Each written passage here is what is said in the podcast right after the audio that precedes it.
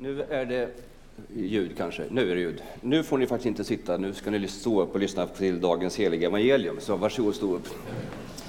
Efter Matteus evangeliet kapitel 6, vers 5-15.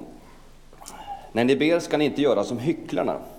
De älskar att stå och be i synagogorna och i gathörnen för att människorna ska se dem. Sannerligen, de har redan fått ut sin lön. Nej, när du ber, gå då in i din kammare, stäng dörren och be sedan till din fader som är i det fördolda. Då ska din fader som ser i det fördolda belöna dig. Och när ni ber ska ni inte rabbla tomma ord som hedningarna. De tror att de ska bli bönhörda för de många ordens skull. Gör inte som dem. ty er fader vet vad ni behöver redan innan ni har bett honom om det. Så ska ni be. Vår Fader, du som är i himlen. Låt ditt namn bli helgat. Låt ditt rike komma. Låt din vilja ske på jorden så som i himlen. Ge oss idag vårt bröd för dagen som kommer och förlåt oss våra skulder liksom vi har förlåtit dem som står i skuld till oss. Och utsätt oss inte för prövning utan rädda oss från det onda. Ty om ni förlåter människorna deras överträdelser ska er himmelske fader också förlåta er. Men om ni inte förlåter människorna ska inte heller er fader förlåta er era överträdelser. Så lyder det heliga evangeliet. Lovad vare du, Kristus. Nu får ni sitta ner. Om man vill frammana dåligt samvete, skuldkänslor och allmän ångest hos församlingsmedlemmarna, jag har jobbat i församlingstjänst i 30 år, då ska man antingen tala om evangelisation, bibelläsning eller bön, eller hur? Och jag har fått den tacksamma uppgiften, tack Magnus, att prata om bön idag. För vi får se hur ni mår efter min predikan. Det är en enorm välsignelse och en enorm gåva som vi har fått till oss, just att kunna be. Eller hur? Varför är det då så krångligt och så svårt att få till det? Varför är det så, sånt som väcker motstånd inom oss? Eller är ni skickliga bedjare i den här kyrkan? Kan ni peka ut någon som är skicklig bedjare? Kanske är det lättare att peka ut de som är rätt dåliga bedjare, eller hur? Jag vill nämna några anledningar till varför vi har lite svårt att få till det här med ett fungerande, fruktbärande böneliv. Det första, som också nämndes i dagens text, det är synlighet. Ordet synlighet. Fariseerna, vilket vi har starkt släktskap med, fast inte vi riktigt vill erkänna det, de bad för att människorna skulle lägga märke till dem. De fastade så att människorna skulle lägga märke till dem. De gav för att människorna skulle lägga märke till dem. Det här ordet som är så tydligt idag, nämligen synlighet. Att synas, att få omedelbar belöning drev fariseerna och en enormt stark drivkraft också i vårt eget liv. Vi lever alla under det här slaveriet, inte minst nu sedan de sociala medierna har ockuperat och deformerat våran själ, eller hur? Magnus Malm skriver så här, bönen, jag tror det kommer upp, ja. bönen är en trohets, trolöshetsförklaring inför de makter som kräver att vi hela tiden gör oss synliga inför andra. Den ger oss ro att äntligen få bli de människor vi djupast är, att slippa bygga på vårt varumärke och istället få upptäcka vår sanna identitet. Bönen upprättar en samlande punkt i vårt inre, ett tillbedjans altare inför den levande Gud. Så sann bön genererar inga likes på Facebook. Sann bön levererar inte heller några snabba resultat och det här tycker jag är jobbigt att höra. Och det är så överhuvudtaget i det kristna livet. Det genererar inga snabba resultat och där är det lätt att ge upp, eller hur? Jag brukar säga som andlig vägledare till vissa människor att ja, det här kanske tar en stund för dig att jobba med, typ 20-30 år. Eller det här bibelordet kanske du måste meditera över en stund, ja, 15-20 år. Och sen kanske någonting händer i ditt liv. Är ni glada nu? Inte så, nej. Så det första är just det här med synligheten och snabba resultaten, man vill ha omedelbar belöning. Det andra som gör att vi har det svårt eh, för att få till det här med det böneliv, det är att vår bön riskerar att bli instrumentell. Vad menar jag med det? Jo, vi ber alltså för att samla poäng eller för att den, vad den kan nu åstadkomma i vårt liv. Bönen deformeras från att vara ett genuint möte mellan mig och Gud till en serviceinrättning. Jag tror vi alla har erfarenhet av människor som inte är intresserade av att umgås med dig egentligen. De är intresserade av vad de kan få ut av den relationen med dig. Det kan vara pengar, det kan vara status, det kan vara eh, coolhetsfaktor eller vad som helst. Och de typerna av relationer brukar sällan bli långvariga eller speciellt spännande eller fruktbärande. Har ni haft sådana människor som märker, du vill egentligen inte träffa mig, men eftersom du är känd eller eftersom du är rik eller eftersom du har det här kontaktnätet, då vill jag försöka komma åt dig och vara med dig så att du, jag kan få ut någonting av det. Och det är lätt att vi tänker så i relationen till Gud också. Att vi bara ber så att vi får väckelse i kyrkan. Att vi ber så att jag blir helad. Att vi ber så att det här åstadkoms, de här resultaten levereras. Och vad blir det för typ av relation då? Jag tror att vi på grund av synden är vi ju, eh, som jag kommer återkomma till sen, så inkrökta i oss själva så vi tror att universum, allting kretsar kring mig. Jag är livets centrum. Det där växer vi aldrig ifrån, det vet vi från de små barnen, då är allting, de står verkligen mitt i centrum. Men så ser vi också på det. Men vi tror på Gud, självklart. Gud finns ju där som en resurs som ska hjälpa mig att förverkliga mitt liv, hitta min rätt livspartner, få barn, få barn som är eh, välartade och fungerande och, och, och, eh, ha ett spännande jobb. Alltså jag är i centrum och så finns det församlingen och så finns det vänner och så finns det frun och så finns det barnen och Gud också som en resurs bland andra resurser. Och då blir bönen, ah, hur kan jag använda Gud nu så att? Medan det det är inte ett kristet sätt att se på livet. Utan då är Gud i centrum och jag befinner mig här någonstans. Och om det behagar Gud så använder han mig för sitt namns förhärligande. Men att ställa om den tanken kan vara svår och den kan påverka hur vi ser med bönen. Och den bygger också på det här instrumentella tänkandet, det är att vi drar oss för att umgås med Gud för att vi kanske har en svag självbild, självbild och lever i frakt mot oss själva. Vi bör ställa den här frågan. Är jag värd att vara tillsammans med? Som person. Är jag värd att vara tillsammans med? Tror jag på allvar att Gud uppskattar och älskar att sitta ner med mig bara för att umgås med mig?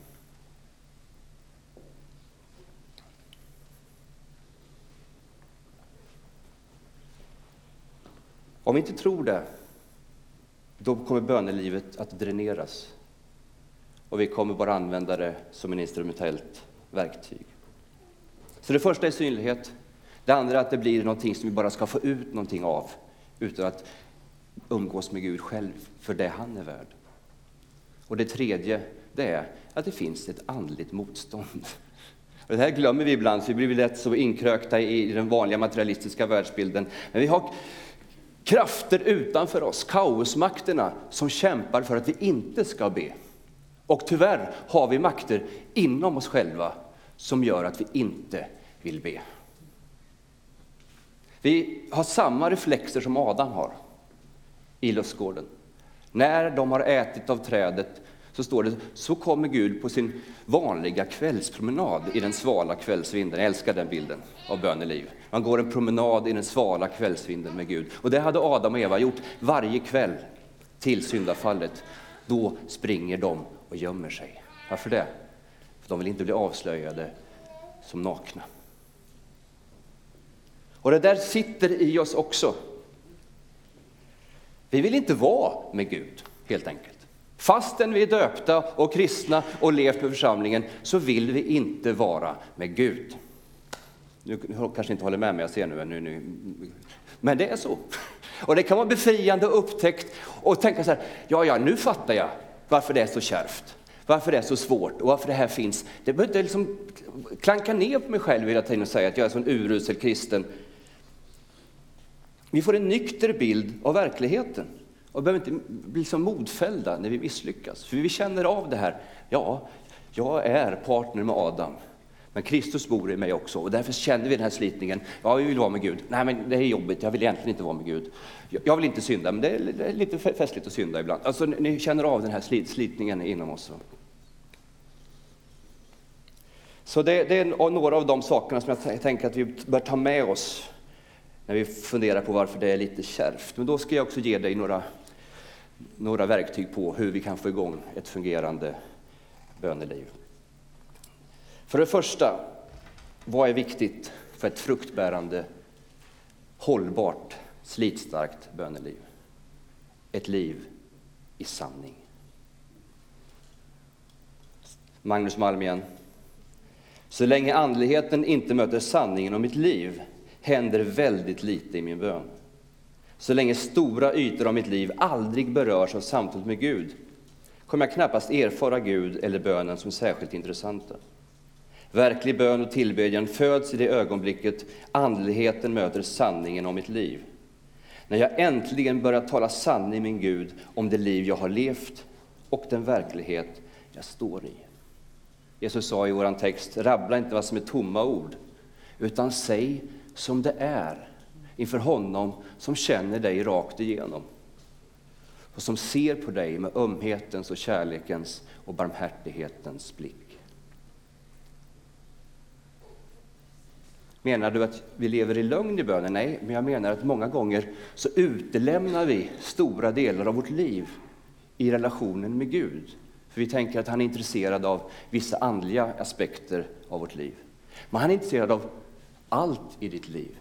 Och det är först när vi märker så här, vi får kontakt, vi pratar på allvar, vi möts i sanning, som vänskapen fördjupas och består. Och det var min erfarenhet när jag träffade Magnus Lennartsson första gången i mitt liv i Israel och kände så här, det här är en älskad broder. Och vi satt där uppe på takterrasserna och delade livet och då märker man, här fördjupas, här händer någonting. Och så har vi haft de relationerna när vi träffar på människor och man bara, bara står och pratar kallprat hela tiden, man kommer aldrig vidare. De fördjupar man ingen relation med.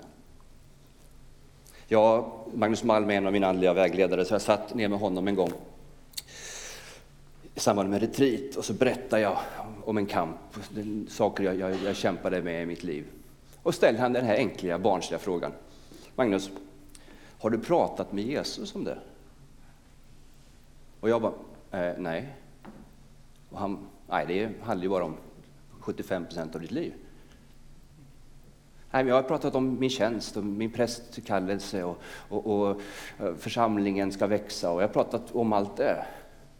Men det, det riktiga livet då? Har du osensurerat pratat med Jesus om det?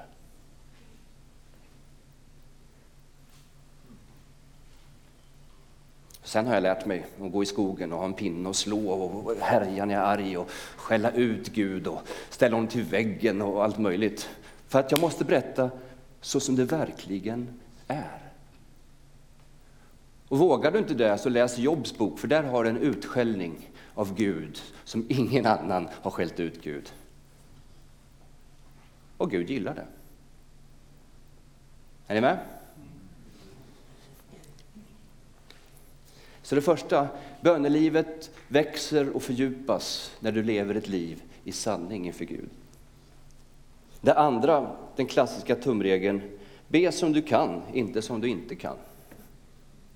Be som du kan, inte som du inte kan. Jag har varit med så länge så att jag har liksom provat alla bönetekniker. Be en timme på morgonen, be liksom si och så och hålla på och, och, och, kämpa. Och det går ju bra när man är liksom 19 år och, och är frisk och, och, ung och härligt gasad. Liksom. Sen får man två småbarn. Och man står hela nätterna och gungar och gungar. Och då känner man inte så här, jag tror jag ska gå upp en timme tidigare imorgon och be lite.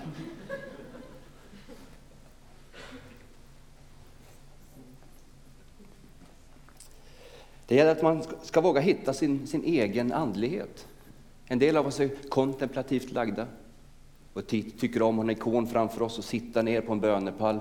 Andra är liksom lite rastlösa och kan känna då, nej jag är ingen bra bedjare för jag får ont i knäna på den här bönepallen och jag liksom, blir bara eh, myror som bara springer omkring i hela benen. Liksom. Ja men ut och spring då! Bönespring! Bönejogga. Nej, jag kan vi bara sälja lite sådana här nya workout-grejer här. Alltså pröva dig fram till en form som passar din kostym och som du kan slita på resten av livet. Och livet förändras som, som barnaår eller pensionärsliv. Eller typ. Det finns en böneform för alla livets situationer. Och förakta inte det lilla måttet. Börja med det lilla. Kanske bara Jesusbönen, Herre Jesus Kristus, Guds son, förbarma dig över mig, syndare. Be den nu i 40 år framåt, så kanske någonting händer i ditt hjärta. Men sen utifrån vänskapen fördjupas och växer så känner man, jag vill, jag vill ha lite längre stunder. Alltså jag och min fru sitter ju liksom oftast och, och småpratar. Jag kan ha fyra tv-skärmar uppe och titta på tre olika hockeymatcher och en fotbollsmatch. Eh, hon sitter bredvid och läser en bok och sen säger hon så här, Magnus får jag prata nu? Och jag har liksom inte, det är inte jag som bestämmer när någon får prata eller inte. Men vad hon menar är, kan jag få din uppmärksamhet nu? Och då måste jag tyvärr vända bort blicken från sporten och se hennes ansikte och så har vi ett samtal där vi möts på riktigt. Så vi behöver de här korta, går du och handlar, ja, jag, jag hämtar barnen efter jobbet, bla bla bla. Men sen behöver vi också ha de här stunderna då vi sitter ner och möts. Därför kan man ha Jesusbönen, Herre Jesus Kristus Gud som förbarma dig över mig syndare. Men någon gång måste man bara sitta ner också, en halvtimme, och prata med Jesus om det som rör livet. För det tredje, hur kan bönelivet eh, fördjupas och växa? Jo, att man grundar sitt böneliv i Guds ord. Augustinus säger om oss att vi är incurvatus per se, som alla vet vad det betyder, eller hur? Att vi alltså är inkrökta i oss själva, där synden har gjort det. Och därför när man blir frälst så rätar Gud upp ryggraden så man börjar se uppåt igen. Men så har ju synden en tendens att vi kröks in i oss själva igen och så ser vi mest vår egen navel. Och det är lätt i ens böneliv att man fastnar i sina egen lilla privata universum i sina egna små ganska inskränkta och nedstängda böner, eller hur? Herre, hjälp mig ta hand om mina barn. Eh, eh, eh, låt det gå bra för mig på jobbet och Herre, ta hand om mina barn. Eh, Herre, ni känner till? Man bara fastnar i sig själv. Liksom. Och att då få upptäcka att det finns en skatt av böner som man får dyka ner i. Sista citatet av Malm. Att börja be Guds ord att äntligen få fast mark under fötterna efter att ha klafsat omkring i mina egna känslor. Det är att få markkontakt med en gigantisk kontinent som sakta reser sig i min själs kaoshav så att jag kan börja gå dit jag djupast vill. Jag får ett språk som inte är bara mina egna slitna fraser. Min värld vidgas till betydligt större horisonter än mina egna privata drömmar. Min samhörighet med kyrkans gemenskap fördjupas genom att vi ber samma texter och inte minst Gud kommer till mig i bönen genom ordet som är en bärare av hans närvaro. Så att få upptäcka kyrkans skatt, tidegärden, lectio divina, Bibeln. Och det är därför Jesus säger i vår text, så här ska ni be. Det finns ett fokus, vår Fader, låt ditt namn bli helgat, låt ditt rike komma, låt din vilja ske. Fokus på Gud. Och sen också får vi öppna upp, Herre, du ser vad jag behöver för bröd idag för att överleva. Du ser vilka relationer jag sitter ihop med. Herre, du ser vilken kamp jag utkämpar. Rädda mig från det onda. Men att få upptäcka detta och förankra sitt böneliv i Guds ord ger en slitstark eh, väg framåt. Orkar ni två punkter till? Ja, jag kör dem ändå, oavsett om ni orkar lite. Eh, för det fjärde, vad behöver vi göra mer? Ja, jag har varit inne på det. Uthållighet. Det var en man som undrade, vad gör ni i klostret? sa han till en av munkarna där. Vad håller ni på med i klostret? Och munken sa, ja du, vi faller och så reser vi oss upp igen. Vi faller på vår väg och så reser vi oss upp igen. Och så faller vi och så reser vi oss upp. Och så, ja, jag tror ni fattar poängen. Det finns inga bra bedjare. Det finns bara dåliga bedjare som inte ger upp. Det finns inte de som har svart bälte i bön. Utan vi är dåliga bedjare. Men vi ger inte upp. Så döm inte dig själv för bristande andlighet och ta inte dig själv för stort allvar. Gud älskar dig i all brist och i all svaghet. Men han längtar efter din gemenskap. Och att ni får växa vidare i vänskapen med Gud. Det femte och sista. Hur kan vårt böneliv tillväxa? Jo, det är ordet tillsammans. Givetvis är bön något som jag gör i det fördolda, på min egen hand. Men bönens värld är mycket mer än det. Det äger rum i kyrkans gemenskap. Och det finns tillfällen i livet när det gör så ont så jag orkar inte be. Det finns tillfällen när någonting händer som gör att hela min tillvaro vänds upp och ner så jag orkar inte tillbe. Jag orkar inte läsa Guds ord. Jag orkar inte vara peppande och glad och uppmuntrande. Det är därför kyrkan finns. För när inte du orkar be så får du sitta här och så ber andra åt dig. När inte du orkar lovsjunga och vara salig över Guds härlighet, då sjunger andra din sång. När inte du orkar sätta dig ner och lyssna till Guds ord, då får du sitta här och höra hur ordet delas ut till dig. När du inte orkar någonting annat så kan du bara, har ni en ljuständningsgrej någonstans? Där, två. Så kan man bara tända ett ljus. Jag har gått igenom mina kanske min smärtsammaste eh, perioder som pastor och präst. Då har liksom hjärnan varit full med tvivel. Det finns inte något spår av uttåget ur Egypten i arkeologin. Nu har ju Karl sagt att det kanske var en annan väg de gick ändå. Men du vet, massor sådana grejer. Hjärnan är full av teologiska tvivel. Känslorna ropar ut, det finns ingen Gud. Kroppen gör ont. Vad har jag gjort då? Jag har bara gått fram så här och tagit del av bröd och vin. Och säger, jag tror. Allt annat skriker, du tror inte. Men då får man fysiskt tro.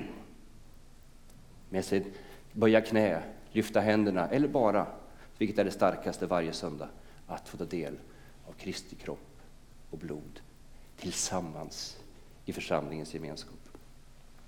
Du och jag inbjuds till att vara vänner med Gud, vilket är en svindlande tanke. Låt oss dåliga bedjare svara ja på den inbjudande och bli närvarande hos den Gud som alltid är närvarande hos oss. I Faderns och Sonens och den helige Andes namn. Amen.